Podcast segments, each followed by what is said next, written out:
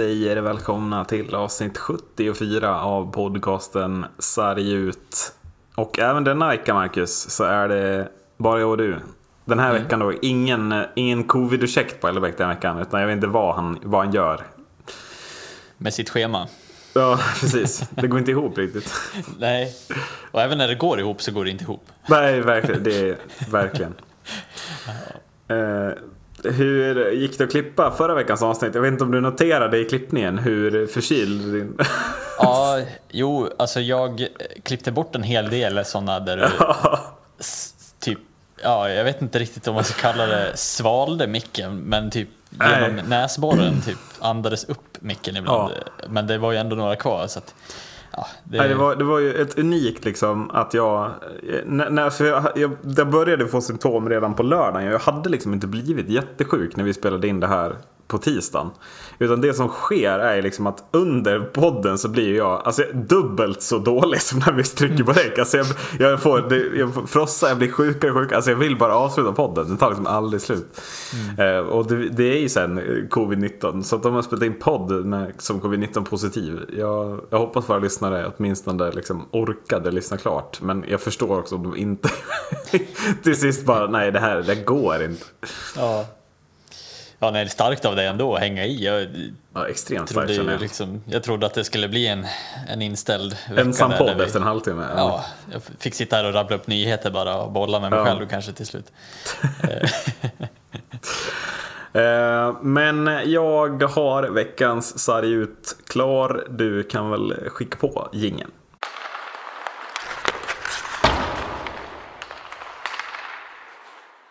Jag kommer dela ut veckans sarg ut i positiv bemärkelse här. Eh, jag kommer dela ut den till eh, Robin Lindgren. Eh, vad har vi på honom? Nyhetsreporter på Norran va? Ja. Hockeyreporter. Ja, du har bättre koll än vad jag har på det. Och rolig på Twitter. Jag rekommenderar att följa om man kan. Men den, det är framförallt en tweet som, som jag, jag tycker är en, en, lite av en mic drop tweet. Det var du som uppmärksammade mig på den här Marcus. Eh, när OS-truppen blev klar så skrev han följande. Dessa petas alltså från Sveriges OS-trupp. De fem poängbästa svenska forwardsen i SHL, de sex poängbästa svenska forwardsen i KHL och den bästa poängbästa forwarden, eller svenska forwarden i NLA. Eh, petas från OS-truppen och eh, jag tycker att det säger allt om den här OS-truppen. Eh, för det är väl det vi vill komma in på här. Men helvete vad besviken jag blev när den kom i fredags. Ja, men framförallt också så här att det, det känns lite som att så här, Garpenlöv har ju ingenting att förlora heller nu när han redan har sagt att han ska gå. Eh, och jag tycker lite att så här, man, man, man skjuter lite stolpe ut här igen. Om man nu kan göra det en gång till. Eh, I och med alltså, man, man plockar ut spelare som är, ja men en del av dem är, det är duktiga hockeyspelare. Det är klart att vi ska liksom, vi ska inte trycka ner alla i, i avgrunden. Eh, utan det, det, handlar ju mer om att man ska bygga någon form av lag där det finns olika spelartyper, olika, alltså så här, man ska kunna komplettera varandra. Eh, men nu är, blir det lite som så här, vi, vi har ju, vem är det som ska göra målen. Det, är väl lite det som känns spontant eh, mest frågetecken över att ja. vi kan inte ha 22 passningsspelare eller 22 eh, hårdjobbare. 22, alltså, så här, det, det, är väl lite det han belyser här också, att vi har verkligen bara skippat rakt av de bästa i SHL. På, ja, på, framförallt på forwardsidan också. Man kanske ska ge Garpenlöv att målvaktssidan var ju inte svår att ta ut. Och backsidan ser ganska bra ut tycker jag. Jag, är rätt, mm. alltså jag tycker backsidan, där har han fått till det. Liksom. Det är tvåvägsbackar, defensiva backar och offensiva backar. Men, men sen kommer ju forwardsidan. Mm. och det är ju som du säger, vem, vem fan ska göra mål för Sverige i det här OSet? Och mm. jag vet inte riktigt om OS, jag vet inte hur du känner där. Men jag vet inte riktigt om vi har råd att ha liksom ett, ett defensivt OS. Där vi ska liksom vara, vi, vi kanske hade behövt jobba lite för att det skulle bli underhållande nu när det inte ens kommer en enda NHL-spelare. Ja, det är lite så här, jag kände också så här att ja, men han hade chansen att antingen ta ut ja, men lite intressanta spelare som, som man inte har prövat i OS eller lite intressanta spelare som är såhär, ja nu är ju Fredrik Olsson med, det är väldigt spännande att få se honom så. Men jag ser ju honom fortfarande som en fantastisk framspelare. Eh, och då hade jag jättegärna velat se någon som är mera åt sniperhållet, alltså så här, som, som har gått bredvid honom eller i alla fall har den här måltouchen. Eh, och det hade varit mycket roligare och, och om det faktiskt hade funnits en större balans i, i bygget, eh, framförallt på forwardsidan. Eh, för helt ärligt så blir det ju lite så här, det känns nästan som att så här, nu, nu kanske det kan gå bättre än vad vi förväntar oss, man vet ju aldrig, men det blir fortfarande men, typ tråkigt för att det, man det, vet Det kommer ju inte vara sig. genom att vi krossar motståndet. Det kommer ju vara mm. genom att vi håller tätt bakåt och kontrar lite typ. Det kommer inte ja. vara, alltså, vi, kommer spela, vi kommer spela destruktiv hockey och det, det stör mig mest av allt. Mm. Jag skiter lite i hur långt vi går om vi bara hade försökt spela offensivt typ. Men lite i ett OS där det känns lite som att så här, ja men fan, Kanada drar in spännande spelare, USA drar in spännande spelare, alltså så här, alla lagen kommer in med Slovakien har två 17-åringar med, det är liksom så här, det är spännande spelare som faktiskt kan liksom växa och bli någon form av framtid. Jag menar Owen Power är väl med i, i Kanadas lag, eh, sjukt intressant att se första draftvalet bara kliva in och, och axla en seniorturnering på en gång så här direkt efter mm. JVM. Alltså så här, vart är våra talanger? Vart är våra talanger som ska få chansen? Vart är William Eklund någonstans som ska, ja. ska vara någon form av framtid för svenska landslaget också förhoppningsvis? Alltså det, det, är lite det som, som känns så fel i det här att alla andra lag väljer att gå lite mer åt det här. Ja, men vi kanske kan satsa lite på, på framtiden och kan satsa lite på på ungdomshockeyn som ska växa fram i det här landet. Men alltså vi sitter lite och säger nej men vi ska vinna det här tryggt genom att spela försvarshockey med våra mest rutinerade landslagsmän vi kan ha med. Då blir det ju lite så här, jaha. Jo men jag tycker att det finns ju plats för båda. Alltså, mm. det, det, det som blir, alltså, vi har ju, jag tror att Garpen också, han tog ut Pontus Holmberg och Fredrik Olsson. Sen tror jag han var lite nöjd. Mm. Då var han nöjd med sig själv. Att nu, nu, nu har jag tagit ut två spännande spelare här. Mm. Men det är ju det som sker. Jag menar jag tycker det är rätt att ta ut dem och de är intressanta. Men det är ju det som sker. Jag kommer säga några namn nu. Eh, bara för att liksom få till mig, tänka i mitt huvud hur många de är. Men Max Friberg, Gustav Rydahl, Marcus Kryger, Joakim Nordström, Daniel Brodin, Karl Klingberg, Anton Lander och Jakob Delarose. Vad var det? Sju spelare? Åtta mm. forwards typ. Sju, åtta forwards. Som är mm. liksom, det här är bara genuina brunk. Alltså det är liksom tredje, de här, det här är bara fjärde kedjelirare. Vi kommer ha liksom två och en halv fjärde kedja. Mm. och det är det här som stör mig så mycket. Vi har ju ingen, alltså vad är de... Alltså jag tänker direkt på Jesper Olofsson, Daniel Saar och Malte Strömvall. Rakt av målskyttar liksom. Det är de jag vill se. Jag vill inte se Daniel Brodin, Karl Klingberg och Max Friberg som writer i det här laget. Jag vill se Malte Strömvall och Daniel Saar. Det skulle göra det mer intressant, även om det kanske inte är unga spelare. Mm. Och några av våra bästa juniorer, typ Holt och Lisell. Ja, Kanada kan använda Owen Power bara för att han, han är från Kanada och ska resa därifrån. Men vi kan inte använda Fabian Lysell för att han är svensk och är i Kanada. Alltså det blir lite den grejen också. Att vi mm. kanske inte får med de spelarna på grund av det, typ. Men ja. Jag känner att det, det irriterar mig mest är att vi liksom bara plockat ut ett gäng brunkar och det finns så jävla mycket plats för målskyttar och skickliga spelare och snipers och liksom speluppläggare på något sätt. Ja, och så här, våga... Det blir lite så här feltalande mot de som faktiskt presterat bra i år också i, i SHL. Att, ja, det spelar ingen roll för du är inte rätt typ ändå. Typ. Alltså, så här, det blir lite där som... Och det handlar ju mest om vad, vad Garpenlöv tycker är rätt för stunden eh, för den här turneringen. Men det blir ju konstigt när, när varenda en, alltså så här, nu, nu, vet jag ju bara att det, så här, ja, men det kan vara någon som hamnar utanför för att den inte passar in i bygget. Men nu känns det som att så här, det är många som ändå ramlar utanför trots att de gjort väldigt bra säsonger. Ja, och, eh, trots, och, de, och som verkligen hade fått plats i bygget. Alltså, ja, ja. Om du har plockat ut Daniel Brodin och Carl Klingberg, du behöver inte ta med Max Friberg då. Alltså jag lovar, mm. det fin alltså då har du täckt de platserna som Mats Fri, Max Friberg potentiellt kan fylla. Ja men precis. det är liksom det. Man fyller ju platser som redan är fyllda med mm. inga uttagningar och så blir det ihåligt istället. Ja, för jag menar det är precis så som, som alla andra länder bygger också. Man kan inte plocka med liksom 22 McDavid eller 22 Brad Marchand utan det handlar ju liksom om att, att bygga dem tillsammans för, för att vara eh, den perfekta dynamiken. Eh, mm. och ja, nu blir det ju lite att man tappar ju hela den här dynamiken i form av att ja, men, det kommer ju bli tafattigt framåt. Alltså, så det, det, känns ju så på förhand att, att det kommer vara väldigt svårt att göra mål. Eh, för ja. att vi har ingen naturlig målskytt. Sen är det klart att folk kommer att göra mål ändå. Men det känns på förhand som att då måste någon verkligen ta den, ta den rollen som inte är deras naturliga roll i vanliga fall. Och hur stabilt kommer det vara bakåt? Alltså, ja.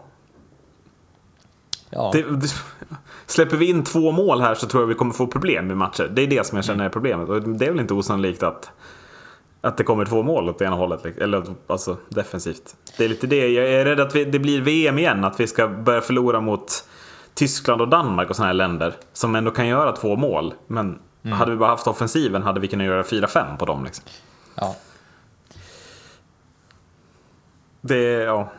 Ska vi, alltså, vad, finns det något mer att säga eller ska vi bara konstatera haveriet? Nej, men det, jag, jag, tycker att det ska bli otroligt kul i övrigt att se eh, de andra länderna, eh, känner jag. För att jag, jag blev överraskad faktiskt över eh, de spännande trupperna som är med. Eh, speciellt Owen Power som kommer med. Man har ju inte fått sett honom, eftersom han tackar nej till NHL från början så ska det bli otroligt kul att se honom på seniornivå.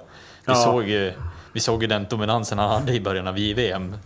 Eh, vad var det han gjorde? Hattrick. Det är väl första i historien som back eh, som gjorde hattrick. Och det ska ja, bli... nej, men det, han är ju draftet av, av en anledning och jag menar ja. här kommer ju han, han blir ju alltså, han blir den absolut mest intressanta spelaren av alla i hela, i hela turneringen. Och det, så, det blir ju verkligen Ja, det, det, det, alltså det ska bli kul att se hur han står sig. Tycker jag. För att det är ändå bra Det är inte topp NHL-kvalitet. Men alltså de här lagen som kommer till OS hade ju stått sig i NHL utan tvekan. De hade ju inte mm. gjort bort sig på något sätt. Mot de absolut, alltså mot mest av motståndet. Så är det ju. Mm. Ja, det är väl topplinan i, eller några av toppspelarna från JVM som kommer med i USAs trupp i alla fall. Eh, mm. USA tog ut ett gäng va? Ja, så nu, nu hann jag inte se Kanadas fullt ut. De släppte väl typ nyss. Ja, eh, precis. Jag hann konstatera att Tambellin är med.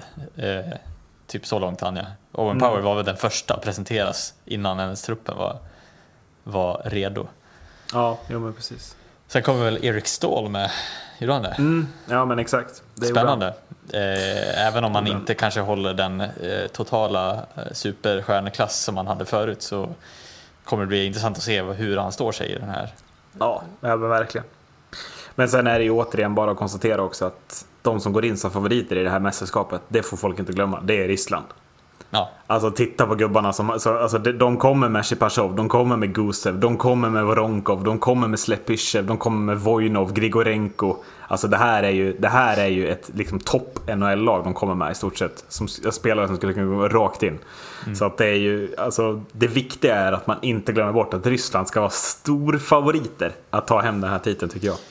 Ja, jag menar det där är spelare som kommer in i de vardagliga VM-turneringarna och skapar kaos i, tillsammans med NHL, de eventuella ja, NHL-stjärnor ja, som kommer. Ja, ja. Så att det, och Chipachov, det var ju som du sa, alltså så här, en av de bättre centrarna i, alltså så här, som finns kanske att hämta i Ryssland. Eh, och borde väl ha en NHL-plats, bara att han tycker om att spela i Ryssland mycket, mycket mer. Eh. Ja, ska vi jämföra centersidor lite eller? Sverige-Ryssland. Vet inte om vi vill höra den riktigt så, men det känns ju som att... Eh... Ryssland skickar in Shipashov, Anissimov och Grigorenko som topp tre centra. Mm. Alltså, Sverige har Marcus Kryger och Anton Lander. Ja, det är som att ramlar ihop. Ja, nu är det ju synd att det här inte är liksom... Alltså att det här är Discovery som äger den här rättigheterna till de här matcherna. Så att man kommer ja. inte få höra här en stam med de fina liksom så här, och håll koll på de här. Shit, alltså. ja, det är liksom så här, ja. det är Nej, hela det är gänget där.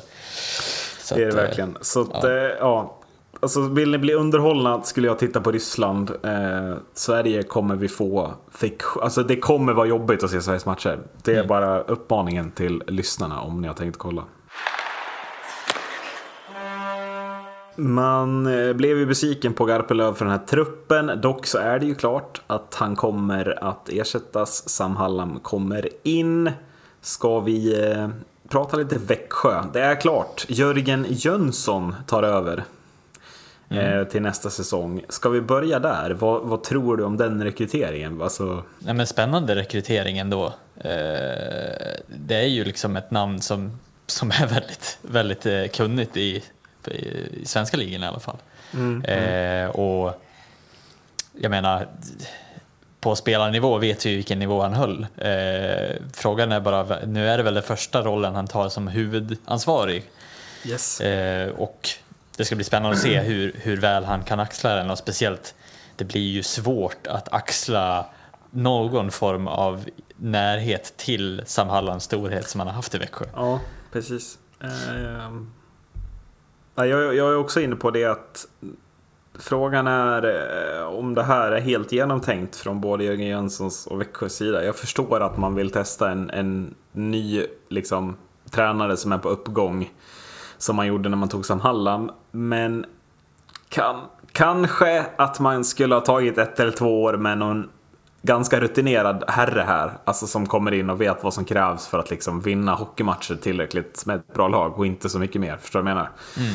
Ehm, jag är lite inne på din linje också att här, Jörgen Jönsson sätter sig i en position här där Ja men om det vill sig riktigt illa så steker ju han sitt liksom Alltså Alltså sitt, sitt varumärke ganska hårt här om det går dåligt för att då är det ju ingen annan som riktigt vill ha honom heller eh, Tror jag Jag tror att det blir svårt att liksom För honom att, att bara gå in vad som helst om, om han misslyckas direkt här. Han behöver nog lyckas i alla fall en säsong. Det blir lite, alltså, han har för kort meritlista för att det ska kunna rida på andra vågen lite kanske. Eh, och sen ja. blir det också så här, visst att det kan vara en spännande utmaning, men det är också att han sitter ju på lite det här att man förväntar sig någonstans ändå, trots att han inte har rutiner som tränare så förväntas man ändå någonting av honom. Eh, det är ingen no-name som kommer in och tar över Växjö och bara folk inte har några förväntningar. Nej, men precis. Han har ju ändå fått vara, alltså, han har ju varit assisterande i ett Örebro som har gått bra. Fick kontrakt i Schweiz som assisterande och tog det. Alltså, han, har ju, han har ju ett intressant CV. Eh, mm. Men det är just att det inte är som headcoach då.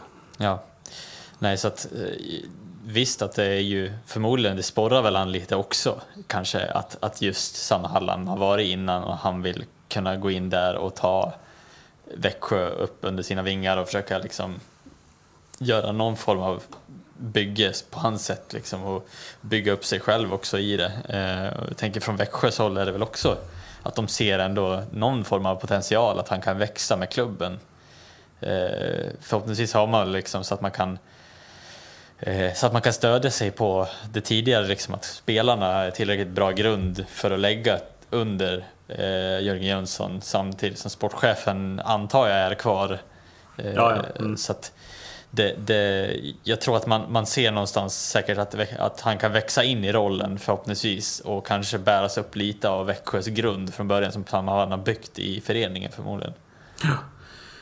Eh, fråga, den frågan blir då är alltså hur, hur olikt Sam Hallam spelar Jörgen Jönssons spel? Det kan ju inte vara för olikt. Det är väl det viktiga att det kommer in någon som spelar rätt likt Sam Hallam här. Om det är Jörgen Jönsson eller vem det nu är, det är väl, mm. alltså blir väl lite nyckeln. För att Hallam har varit där så jävla länge nu att det är liksom svårt att jag tror att det är svårt att komma in och uppfinna hjulet här och göra mm. liksom något helt nytt och nu ska jag spela på mitt sätt. Det tror jag bara kommer mötas på ett dåligt sätt om man inte tar med sig ganska mycket spelare då, som, som är vana att spela hans spel. Att det blir en ny trupp typ.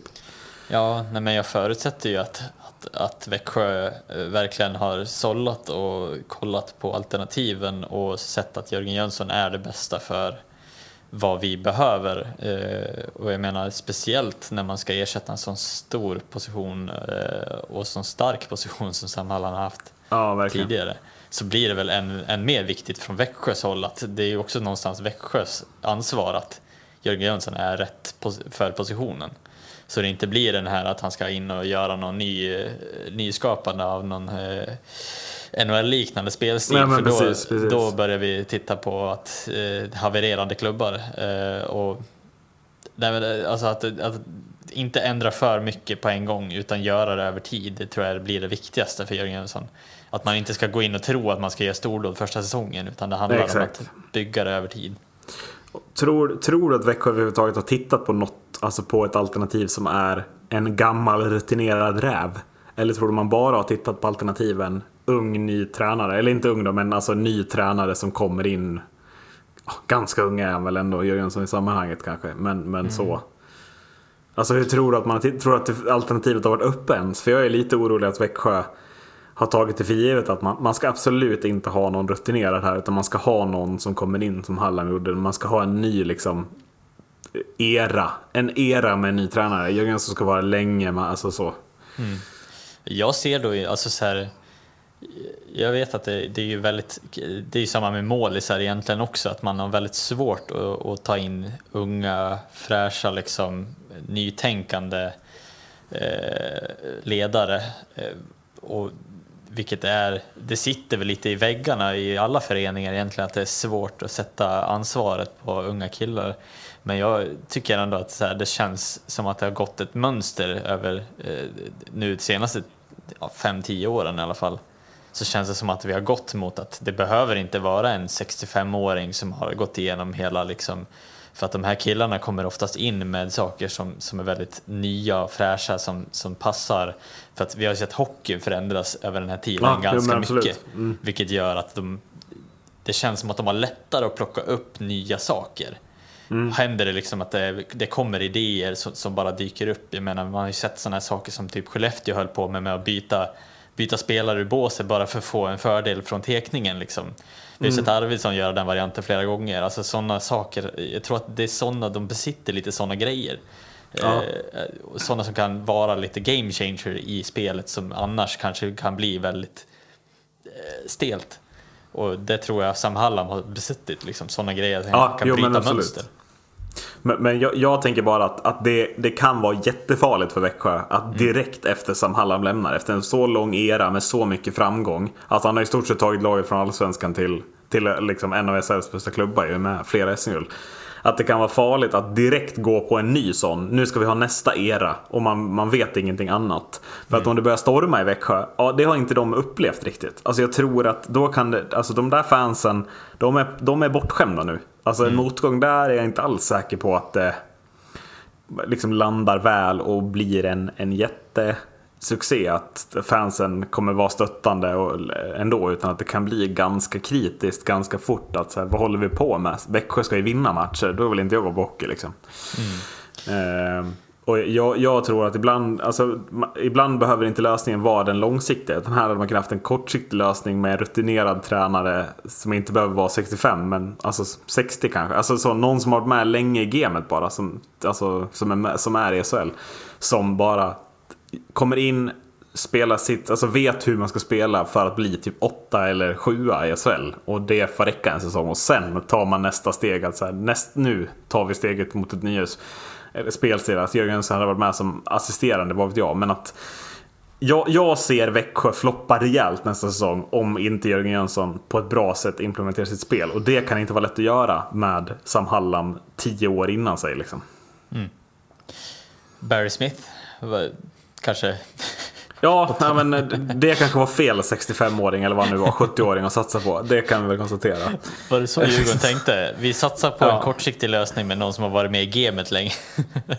ja, som heller aldrig var kampat huvudet ja.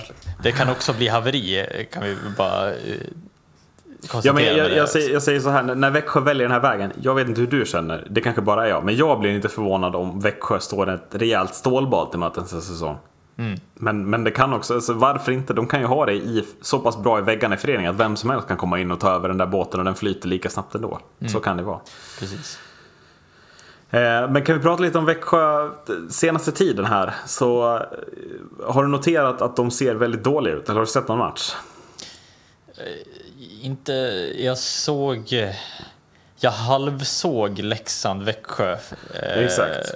För att vi hade den på i bakgrunden.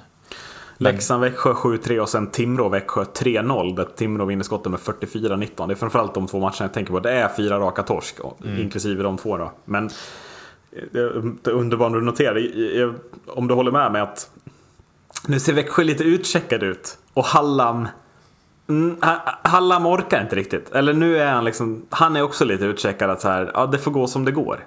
Se, mm. Tycker jag man får lite feelingen av med Växjö. Eh, Ja, det är också tänker. svårt. Det är svårt liksom att hade du frågat någon av spelarna, tränarna, sportcheferna så eh, kommer ju ingen att hålla med dig. Men Nej, jag tror ju att, att det handlar om just psykologin kring det. Att ja, du vet om det här i bakhuvudet. Att ja, Halland gör sin sista, sista säsong, det är redan klart. Liksom.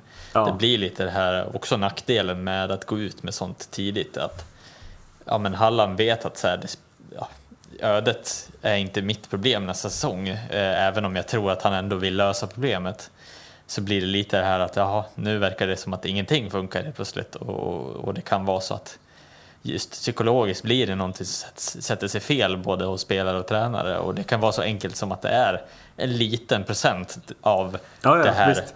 tidigare perfekta eh, spelet som de har haft eh, bara blir lite sämre och svårt att förklara men, men det, det går då går det som det går just nu och när man möter ett, ett, eh, ett hett Leksand, ja då förlorar man med 7-3. Eh, ja. Att, ja. Det Men det är just också att, att här, Bäcksjö tidigare på säsongen, även om man hade mött ett hett Leksand och, och ett Timrå i form, så tror inte jag man hade förlorat med 7-3 och 3-0 i de matcherna. Jag, jag tror verkligen mm. inte det. Nej. Utan jag tror att det är att man är lite ur form, men också att här, Sam Hallams röst är inte lika auktoritär i, i, i omklädningsrummet just nu. Och jag tror också att Sam Hallam, när han såg den här OS-uttagningen, jag tror inte han blev mindre taggad på att ta över landslaget. Jag tror att Sam Hallam kände nog att Shit, jag kommer in i landslaget i absolut perfekt läge. Alltså, det, finns, alltså, det är missat VM och sen den här OS-truppen. Han mm. kommer ju in i ett läge Alltså han har ju allt att vinna sammanhang. Det kan ju inte bli sämre. Det, det, kan det inte bli liksom. Det är på den nivån. Och det är mm. det jag tycker. Jag tycker, det känd, jag tycker man ser det på hela Växjö. Att någonting har förändrats. Och det mm. när också tränaren då inte lyfter upp det på samma sätt kanske. Så, så mm. ja. Alltså Verkligen. jag är lite inne på Växjö missar slutspel. Mm. Växjö blir botten fyra här. Är jag ja. Eh, och, och, jag, kan också, jag kan också infinna mig i den tanken. För att ja. eh, jag ser ändå typ ett Brynäs som börjar hamra igång. Jag ser ändå någonstans att det börjar vara, ske lite förändringar i botten. Eh, Linköping går bra också vet du. Mm. Och, och, då är det, alltså Timrå, Djurgården, Malmö, det är ju botten tre. Det är ju en plats kvar som ska missa slutspel. Och jag, nu ligger Örebro på den. Ja, där kommer det, jag tror det tuggas igång där också. Det har ju vi varit inne på. Jag och du, Adde är ju inte lika övertygad, men han är ju inte här. Men jag och du är ju övertygade om att Örebro tuggar igång någon förr eller senare. Mm. Och då är frågan om inte fan Växjö lyckas med bedriften att, att missa slutspel. Ja, det vore ju någonting. Men det känns också ja. som att på något sätt så känns det typ inte alls eh, helt oväntat med tanke på att vi ändå har sagt sig, ja men det är, det är Robert Rosén och det är Rickard Gynge som är, som är Växjös stomme just nu. Ja, det är lite för mycket, så är det mm. Och det känns som att om den stommen inte är tillräcklig, alltså så här, även om de gör hundra mål och Växjö är liksom det, det känns som att det, det, skulle kunna vara tillräckligt för att kunna missa slutspelet för att man har för lite man har för lite att luta sig tillbaks mot mm. eh, i resten av laget. Och jag menar, när de inte presterar, då presterar inte Växjö uppenbarligen. Eh, Robert Hysén har väl precis kommit tillbaka från en, en skada, skadetid. Ja. Rickard Gynge påtagligt påverkad av den skadetiden när ja, han verkligen. var borta. Nej, men, och, och, de har ju bra andra spelare, men just också mm. de där procenten du pratar om, alltså det, de är så viktiga. Alltså, mm. Om du tappar dem, det är 3-0 och 44-19 i skott mot Timrå. Det är det du har att vänta dig om du inte är 100%. Mm. Det, det är så, så tajt är SHL och då är det ändå ja, ganska många lag som har gått rätt dåligt. Liksom. Så ja. att, um... det, det, är också så här, det är stora trupper som är väldigt, väldigt namnkunniga. Växjö tappade väldigt många namnkunniga förra säsongen eh, som man inte har kvar i klubben längre. Vilket gör Nej. att man, man, automatiskt hamnar ju någonstans i en mindre bredare trupp än vad de andra lagen egentligen har.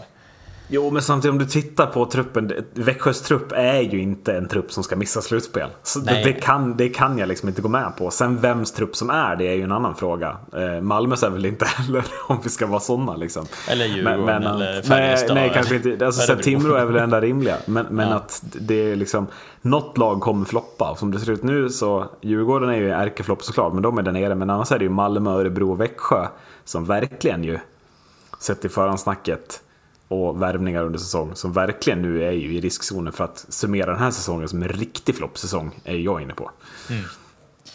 Ja, det är just, och det handlar ju mest också om att konkurrensen börjar liksom tätna ännu mer om, om de här platserna och det kommer ju ske, som vi ser också, förändringar rent både truppmässigt och tränarmässigt. Och vad kommer ja. det att göra med botten, bottenlagen nu? Alltså det kommer ju liksom att lyfta dem förmodligen och då måste man hänga med i toppen också för att inte hamna ja, i men verkligen, träsket. Verkligen. Liksom. När vi ändå är inne på nya tränare då, så vi tänkte ju att vi skulle få ett avsnitt utan Djurgården, men eh, nej, det får man inte. Eh, eh idag landade han Joakim Fagervall, ny tränare, Djurgårdens IF. Första tankarna? Stackars Hånberg som sitter kvar nere i Schweiz och hoppas var... på att Djurgården skulle rekrytera honom. Det var, gan... alltså det, det var snyggt väntat av Djurgården. Gud vad de väntade på att Fagervall skulle få kicken. Det här, det, annars hade de ju tagit Hånberg redan, om de inte hade det på känn. Det måste ju ha varit någon inside information. Ja, det... ja jag, sa, jag skrev ju det till Adde också, så här, även om man inte vet om att, att, eh, att man väntade på honom, eh, så känns det ändå bekräftat i att, ja, vad stod det i tidningen? Två timmar tog det innan Djurgården la på, eh, ja, ja. Nej, satt på luren liksom i Fagervalls ficka och bara, du, det är dags. Typ, det känns som att de antingen har de pratat med Fagervall redan innan och sagt att när du får sparken. Ja, ja men alltså verkligen. Eller så handlar det om att de bara väntade ut en kyl för de visste att Fagervall är den rätta. För att det... här är ju typ första gången vi pratar positivt om Djurgården den här säsongen. Men det, det ska ja, de ju ha, för att det här är ju så snyggt, alltså det är så snyggt spelat att ha den mm. känslan att vi vill hellre ha Joakim Fagervall, det ser inte bra ut. Till sist så kommer det, man får ta över kontroll. Alltså det, det är så det, det är så snyggt spelat som det bara kan bli, eh, mm. tycker jag. Ja, det, det, är faktiskt riktigt kyligt och, och ändå tänka att ja, det hade ju kunnat vara så att Malmö bara, för att vad jag har, vad jag har hört eh, så var det, var det väl inte helt solklart att det var, eller självklart att, att, att han skulle dra Fagervall. Eh, nej, nej. För att menar, man skrev på ett nytt kontrakt med Fagervall redan tidigare och, och det känns ju lite som ett misslyckande att skriva på ett nytt kontrakt och misslyckas med den här truppen i sig eh, känns ju, ja, mm, mm. sådär. Och, och erkänna att nej, han måste sparkas. Eh, och det verkar ju inte vara helt eh, nöjt från, från supportsida heller. Nej, att man klart sparkar. inte det. Klart inte det. Eh, för man vill väl ändå ha kvar Fagervall i Malmö eh, på ett sätt. För att det är ju det är en duktig tränare. Det är bara att han förmodligen har fått lite lite svårt att, att jobba med materialet förmodligen. Mm. Ja, jag håller med. Men eh, om, om vi då ser, alltså, jag tycker då, om man ser till hur, hur blir han för Djurgården? Jag tycker att det känns som en mycket bättre tränare för Djurgården än vad Farwall kanske kändes för Malmö. Att här kommer in en, en, spelare, eller en tränare som, som eh, gillar det defensiva. Han vet hur man bygger upp en defensiv. Det behöver Djurgården verkligen. Man har ju en målvakt som räddar skott och man ger målet en bra chans att rädda skottet. Liksom. Och, och så liksom vinna matcher på den mer tajta spelet tror jag Djurgården behöver göra. Alltså man, man kan inte vinna med 5-6-3 Djurgården utan man måste nog vinna med 3-1 och 3-2 och 2-1. Alltså så. Man har inte tillräckligt offensiv kraft utan man måste fokusera på en bra defensiv och sen vinna matcher utifrån det. Typ. Mm. Ja, nej men eh, Djurgårdens defensiv, speciellt i år, har ju varit ett, ett eh, haveri utan like kan man nästan säga. Eh, oavsett om de vill eller inte. Men det, det, det är klart att man vill stärka defensiven jag tycker att det är väldigt klokt att tänka så också. För att en bra defensiv bygger ju oftast förutsättningar till en bra offensiv. Eh, alltså bara, bara skapa förutsättningar till att anfallet kan jobba i lugn och ro är väl en, en viktig pusselbit i, i bygget som jag tror många förbiser också. Mm. Eh, det skapar ju en trygghet och det skapar ju också kanske fler möjligheter till korrekta utspel ur zonen, korrekta liksom rensningar ur zonen. Alltså så här, bara sådana saker spelar ju stor roll i så här tight SHL. Liksom. Ja. Eh, ska vi också nagga lite vid eh, ett scenario som ju skulle bli det skulle, alltså som objektiv supporter, jag tycker att det här ska vara helt otroligt. Men möjligheten att det blir Djurgården mot Malmö i ett kval om vem som åker ur med Joakim Fagervall på Djurgårdens bänk är ju... Det är, alltså chansen är ganska stor, hävdar jag. Mm. Eh, Har vi varit Ja, med alltså vad finns det att säga? Alltså det, det håller på att bli för andra året i rad ett helt sjukt kval här. Alltså det, Ja. Timrå bara vinner och vinner ju liksom. Ja men eh, är det... Nu, nu har jag dålig koll på, har, har det skett förut att, att en tränare bytt klubb mött i ett sånt här kritiskt skede direkt efter i samma säsong? Nej, det kan jag inte. Alltså om, om det skulle bli att Fajevall möter Malmö i avgörande kval här, alltså det kommer ju bli... Det är Ja, för det- medias våta dröm. Som... Ja, definitivt. Och man vill ju ändå så här, det måste ju finnas en hel del liksom, eh, ja, men frustration från Fagervalls sida. Jag vet ju Ja, att han ja, gick ut visst. I tidningen och var väl ganska kritisk till att han inte hade något jobb och det var hela köret där. Ehm, och ja, men jag, tror, jag tror att det kan riva upp en del liksom, sår här eh, och jag tror att, jag menar, håller Fagervall sig kvar alltså, och Malmö åker ut, då kan vi nog snacka supporterstorm ja, utan dess like. Ja, och, Kanske jag och med menar. Fagervall kommer ju in i ett läge nu att liksom Djurgården har vunnit två matcher. Han kommer in till, till liksom bra, lite bättre självförtroende. Han får chans att bygga sitt spel från spelare som är mer mottagliga och liksom lite mindre prestationsångest för tillfället. Alltså, kan de få med sig några segrar till här nu inom närtid? S- Alltså det är, inte, det, är, det är inte så långt upp, ta mig fan, till det där jävla kvalstrecket. Jag fattar inte hur det inte kan vara det. Men om Djurgården börjar vinna lite matcher, Malmö och Timrå, eller framförallt Malmö börjar förlora lite mer, då är de ju, det är ju, de är ju snart där. Det, det är liksom, ja, på väg ikapp. eh, Sjukt nog. Liksom. Och det, där ser vi ju vad tre poängare gör. eh, Ja. Kontra två enpoängare om man ser till, till Djurgården verkligen. Ja, för det var ju så påtagligt häromdagen när du bara säger vadå är det bara åtta poäng upp? Ja, Det ja det var exakt den, Va- det momentet va- jag tänkte på när jag sa det här. Ja, nu vann ju Timrå i- igår eller förrgår ändå så att eh, det vart ju deras trepoängare inte sägande mot Timrå men, men Malmö som inte får spela hockey på ett tag känns det som. När Mm. spelade de senast? Det, det känns som att det är eh, det börjar bara gå långt nu sen de hade matchformen i sig. Ja, jag vet Eh. inte. Malmö spelade ju där mot Leksand och förlorade på hemmaplan. Eh, Och Oskarshamn. Och sen har det blivit uppehåll igen. Jag vet inte om det är att Mm, deras men de har väl hamnat-. Om jag inte minns fel så har väl de hamnat i lite av eh, uppskjutna matcher och eh, Ja. träsket kan man säga. Och det är väl inte positivt kan man väl Alltså att inte få spela matcher nu när Djurgården jagar, eh, Timrå jagar. Det kan inte sätta Mm. Nej, sig men bra psykologiskt. Djurgården har ju en hängmatch. Alltså de har 32 spelade och sen Timrå och Malmö har ju 33. Den matchen är för Djurgården Linköping hemma. Det är, ja, jag tycker ändå Djurgården, det är väl första gången i år typ de ska hålla som favoriter i en match. Men där tycker jag ändå att den ska de ju kunna vinna.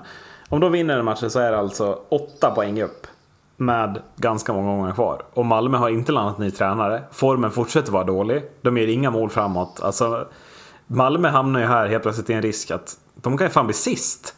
Om det vill sig riktigt illa. Om, om de inte löser problemen som finns på isen. Och jag vet, det vore ju ett haveri av Guds nåde om Malmö slutar sist här. Ja, ja definitivt. Um, och jag menar det är ju ja, det blir ju tufft just i den regionen också. Jag menar det är lag som alltså så här, om, om man ska visualisera det i pilar så så är det ju inte jättemånga runt omkring som har, alltså så här, lagen runt omkring börjar ju vara lite peka uppåt. Eh, och jag menar, eh, det lär ju sätta sig alltså, i en stress för Malmö också att veta att vi måste vinna nu för att Djurgården har vunnit massa matcher, Timrå har vunnit massa matcher. Även om man så här säger att man äh, bryr mig inte om tabellen utan bara fokuserar på nästa match. Jag tror att det sätter sig det märks. Alltså så här, det är klart man håller koll på matcherna. Vad ska man annars göra när man sitter hemma eh, och inte spelar matcher ändå? Jag tror att det märks att eh, det, blir lite stressat Malmö och det enda som är deras nyckel det är väl om de kan försöka landa i att Fagervall är borta nu och nu kan de försöka ta någon annan approach på, Ja, ja. på allting. Absolut. Vem blir det till Malmö då? Har vi hört något? Inget mer där? Nej, Pelle det var- Holmberg. Peter Andersson var väl på tal tyckte jag hörde men nej, det var väl inte aktuellt va? Jag tror inte det heller. Eh, Så det är väl ganska Vi får vänta och se helt enkelt. Ja, vi lär väl prata om det i det den här har- podden det är klart då antar jag. Ja, jo, precis. Och det, menar, det är ju det är ju säkert en hel del namn som, som är på, på tal, men det lär väl spekuleras fram till att det landar. Och det lär väl landa ganska snart. Det bästa hade väl varit om det vore under uppehållet i redan. för att få Ja, lite tid verkligen. eh, in. För då tror jag att man ändå har en chans att kunna komma in innan matcherna börjar och faktiskt börja sätta, liksom, sätta lite struktur.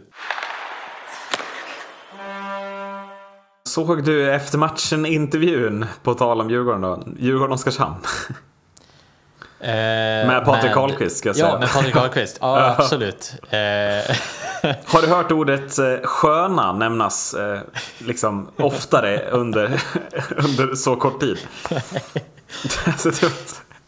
Det var en av de, alltså så här, Samtidigt som det är en frustrerad Karlqvist så var det en av de roligare intervjuer jag har hört. Eh, Ja, just när att han någon säger- är arg. Han sa det hela tiden. Alltså man, man, man, man har ju ändå så här. Man har ju lite eh, karaktärer som har gjort såna här typer av intervjuer, typ Per Ledin när han ropar på sal och så Ja. vidare. Det här kändes lite som en sån karaktär. Jag håller med. Fan, vi kan vara lite sköna för fan. Eller Vi, typ det är liksom, vi åker Ja. runt och är sköna sa han tio gånger på en minut. Typ. Att, att det var, det var då Ja. liksom det största problemet. Han sa också så här sköna i både positiv och negativ bemärkelse. Att så här, ja, vi kan vara lite sköna, fan. Typ. Men också så här, ja, men vi åker runt och glider och så här, ska Ja, lägga några fina var- flyttmackor och vara lite sköna. Och då Det, det var, det var, Ja, det- det det var lite- verkligen så att de höll i pucken för länge. Då var de sköna på ett oskönt sätt. Alltså det var Mm. verkligen så här metanivå av att vara dåliga på något liksom supermärkligt sätt. satt, satt en hel del äldre människor hemma och bara, vad menar han? Ja, nej, ingen fattar. Skö, vad, vad skulle du Eh, definiera är ordet skön på isen? Nej men jag skulle säga att om du tittar på Patrik Karlqvist när han spelar eh, Alltså det här är ju, jag skulle vilja hävda att det här är en innebandyterm. Eh, pod, podden Innebandysurr använder den mycket. Att, men innebandy blir det också lite, du vet någon, någon 18-åring som med blont hår står med något pannband nere i hörnet och gör sådana här golvsorro som det kallas. alltså att man drar bollen snabbt framåt så, alltså, så gör, drar något dragskott.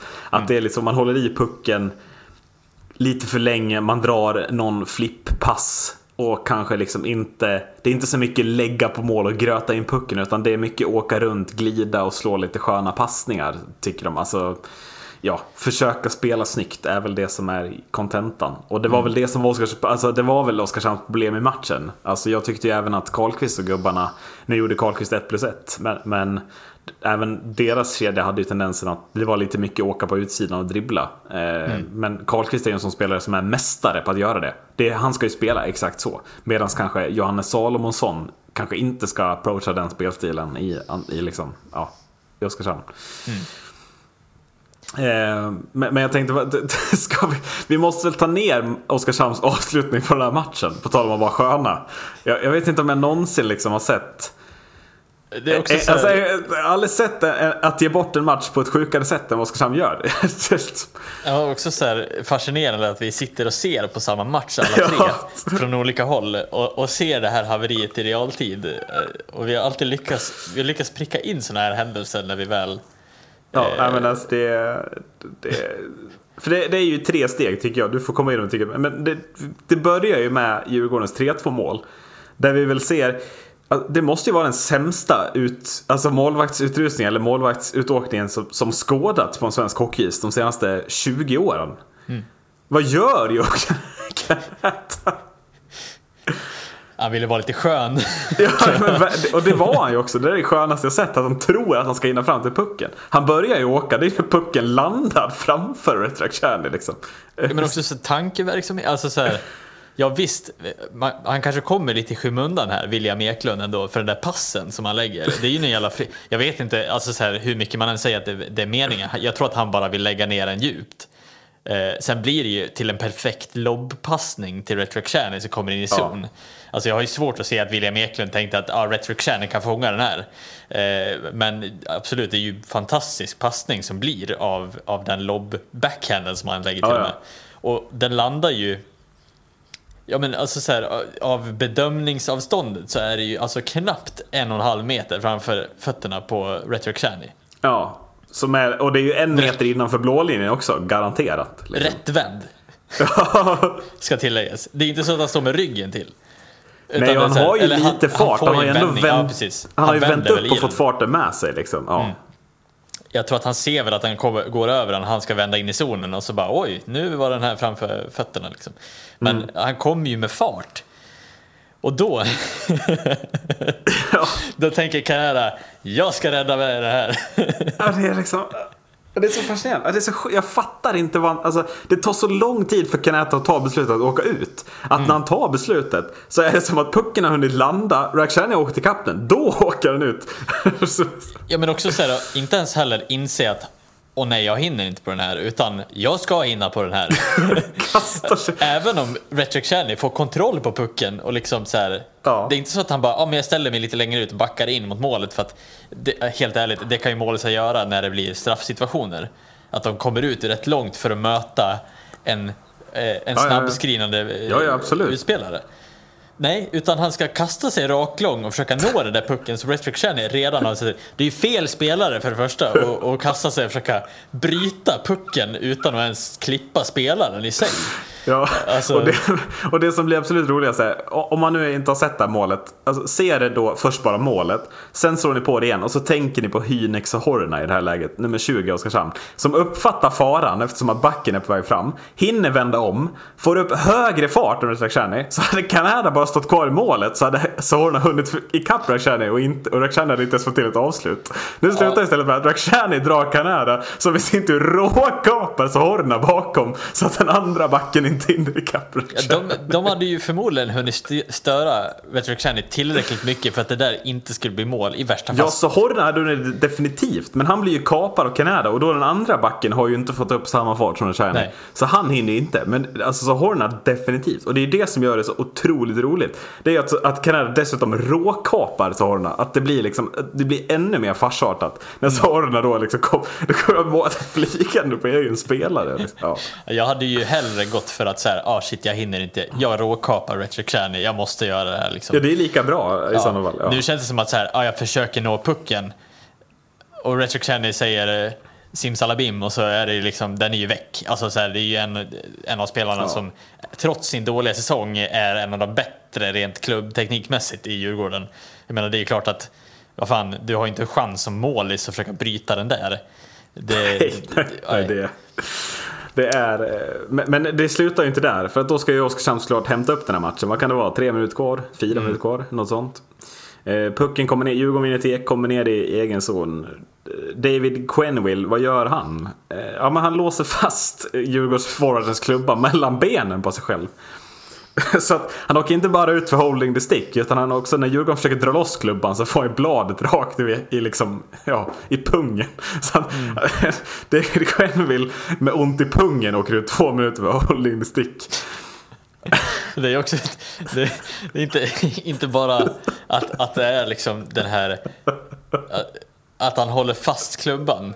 Det är också att han försöker sig på någon så här komisk skådespeleri. Så blir det typ som att han ska reagera på att åh shit, vad, titta vad han gör liksom. Och försöker typ, ja, alltså så här, ja, helt klart att man kan typ förstärka den händelsen lite mer, men det kändes som att så här, den satt ju fast. Den satt ju fast alldeles för länge också. Och Jo, men så är det. Och, och, och det är klart, om domaren är lite ouppmärksam liksom så, då kanske han missar att, att han låser fast klubban. Men domaren har ju stenkoll på situationen. Han har ju lyft armen för holding the stick redan och ser ju hela grejen. Så det blir ännu mer, det gör det ju ännu roligare. Mm. Att Quenville tror att han kan lura domaren som har stenkoll på situationen. Mm.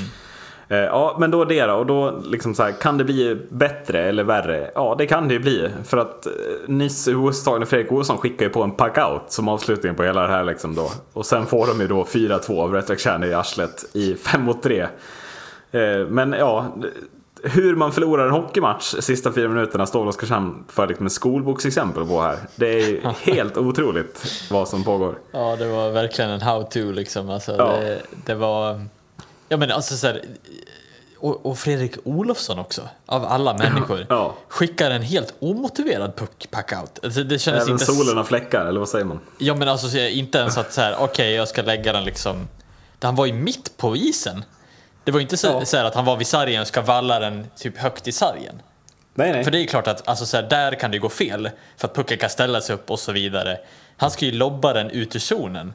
Och lyckas lobba den så pass långt åt, åt sidan att, att den går ut i, i utvisningsbåset. Typ. Ja, han, be- han behöver ju inte lobba så högt heller. Alltså han kan skjuta ganska lågt där den går ut på samma alltså, sätt. liksom. räcker, Han har ju full kontroll över den också. Helt Ja, ostressad. ja, det, Jag, jag är helt fascinerad över alltså så här, hela Ja. det här haveriet. Hur, Och, hur det och allt det här sker på liksom fyra minuter. Det får man inte glömma. Ja. Alltså det är Canada, det, det, är- alltså det, är, det är som att det, alltså, det, det är som att det är, alltså att de har spelat allihopa på att Djurgården ska vinna. Att, alltså sen bara, det, det, är liksom Det är- så, det är så många dumma beslut på så det, det, kort kan, tid. alltså det, är liksom så osannolikt att, att det kan nästan inte vara liksom slumpartat. Det känns som att det är meningen typ. Ja, alltså det, jag vill inte ens tänka på Nej, det. Men nej. alltså så här, att Fredrik Olofsson mitt på isen ska lägga den där. Är det, I det läget. Det Ja, känns nej. så jävla dumt. Uh, Alltså, rekomm- om, man, om man kan se de här sista minuterna, gör det. Alltså, det, är, det är underhållning på högsta nivå skulle jag säga. Det är Att man liksom, inte sammanställde bara en, en mashup från Ja. SHLs sida. Så här, Nej, kolla helt här. otroligt. Det är Ja. helt otroligt. Ja, eh, det var sköna Oskarshamn. Ska vi, eh, ska vi stanna där kanske? Eller vill du säga någonting om Frölundas öppna infografik till fansen? Eh, ja, jag tänker att vi ska benämna det snabbt. Ja, Eh, det kan man skriver ju, man är ju mitt uppe i en process där man ska byta logga eh, till något Tror, fräschare. tror du det kommer vara infekterat eller? Ja, ja, ja det, det är alltid. Det kommer att bli. Eh, Och det, Och det kommer ju nästa vecka och det är ju Ja. redan, man har ju gjort någon slags förhandsvisning ju. ja, Och det, där man Ja. la någons gamla kallingar över. Ja, det Så såg väl, och det såg väl, det, det skymtades väl något form av limegrön grej under det där skynket och folk har ju redan gått bananas utan att de vet någonting. Så att det här var ju något, liksom ett öppet brev till fansen nu typ. Eh, och det, ja, jag vet Vi inte. ska bli ett NHL-lag var det. Ja men det var ju liksom så här, eh, alltså. Det, det, det var ju också, vi, vi, sa, vi pratade om det här innan att så här. De hade ju kunnat tagit liksom Joel som pratar till gamla klassiska Frölunda-bilder. Men istället så är det liksom ett, det är en infografik och det är det här tangentbordsljudet. Och det är liksom bara att man knapprar fram bokstäver ju. Alltså det blir så pajigt på något sätt att det är, ja. Ja, och det, det menar jag också med är ju... Alltså så här, med en klubb som har eh, uppenbarligen ganska stark historia vad, vad supportrarna också kan relatera till just kring klubbmärket och allting. Och jag menar Lundqvist var väl ute och försvara allt det här med indianen och det var det som var liksom så här. Det var det som var problematiken från början att man var tvungen att byta på grund av indianen. Precis. Och att klubben har varit så starkt förknippad med den så länge och det finns en historia bakom allting och så. Ska man inte försöka embracea den lite då? Att göra någonting stort av det här och göra det till en grej. Alltså att man verkligen säger, ja, men nu ska vi verkligen, vi ska intervjua gamla legender från eh, Frölunda där vi gör en ihopsättning av så här alla gamla så här, Magnus Kahnberg och Niklas Andersson och ja, hela köret. Kan de inte göra en mashup med alla dem där de får säga så här, vad var det bästa med att spela i Frölunda eller vad var det bästa med klubbmärket och få representera det här och vad tror du blir det nya vi går in i nu liksom så här. Ja, Gör något mer personligt. Precis, att det är ju inte klubbmärket. Alltså klubbmärket står ju för någonting. Och det var ju Mm. det de hade behövt få fram. Att så här, jag representerar Frölunda, det står för det här för mig. Och det spelar ingen roll hur klubbmärket ser ut. Det här Mm. står Frölunda för mig. Det, är- det är den, ja. Vi skulle ju ha varit, jobbat på kommunikationsavdelningen i Frölunda, hör jag Magnus. Vi har ju lösningen. För jag håller ju helt med. att Det blir ju bara helt opersonligt och det är någonting som en kommunikatör har knapprat ihop själv på sin lilla kammare. Och det är ju då det inte blir bra. Utan Mm. det måste ju förankras genom hela verksamheten och vad Frölunda står för. Ja men för hur förmedlar man känslor? Det gör man Ja. ju inte genom text. Det är ju antingen video eller ljud. Alltså så här, och ljud och video kombination, vad som helst. Bara man får ut känslan i hur känner spelarna kring det här. Alltså man får en upp, alltså så här, man får som supporter någon form av känsla bakom att så här, fan det här är starkt liksom. Det här bandet är starkt eller vad som helst. Nu blir det bara så här, ja, man, någon sitter och knappar, någon har gjort den här animationen på 10 minuter och någon knappar in lite, tjena vi bryr oss. Fast bry, bryr ni er verkligen då? Alltså, Ja, det, nej, det är den precis. känslan jag får. Så här, va, va, alltså, jag hade blivit förbannad om det var det enda som man fick efter så lång tid som det här klubbmärket ändå har varit med. Ja, och, och det bästa, jag, jag funderar inte hur du tycker, men hade man ens behövt kommunicera någonting i nuläget? Eller Nej. kunde man i, i samband med att man liksom lanserade det nya klubbmärket så hade man också kunnat gjort det här samtidigt som ett paket. Att man också, för ger du fansen då först det där två minuter av liksom bara bra grejer med Frölunda. så kommer de inte alls bli lika upprörda när de ser klubbmärket, även om de inte är nöjda med det sen. Mm. Alltså, utan de kommer fortfarande tänka, men just det, det, det är det här jag, jag som är, liksom, jag älskar, det här är mitt Frölunda. Och jag, jag, tror att det är många fans, alltså om, om, man får lite distans till och börjar tänka, alltså hur viktigt är klubbmärket för så att om det bara inte ser ut som skit så spelar det ingen roll hur det ser ut. Bara man vet liksom vad klubben representerar på något sätt. Mm. Nu kanske de har, har det i bakfickan, liksom, att ja, det kanske kommer när, när det släpps. Men det känns så oavsett onödigt att kommunicera ut en text där det känns lite som att så här, man är rädd för att folk ska tycka om den här loggan och att, ni, så här, att de ska säga på något sätt till fansen att ja. vi bryr oss faktiskt om er. Det är inte bara ja. så här. Ja men alltså, eh, ja. ja. mycket märkligt, mycket märkligt. Ja. Ehm, ja, eh, vad borde eh, Frölundas kommunikationsbyrå eller vad de har gjort, gjort istället? Ja, de borde spela sarg ut. De borde ha spelat sarg ut. Tack för att ni lyssnat. Hej då. Hej då.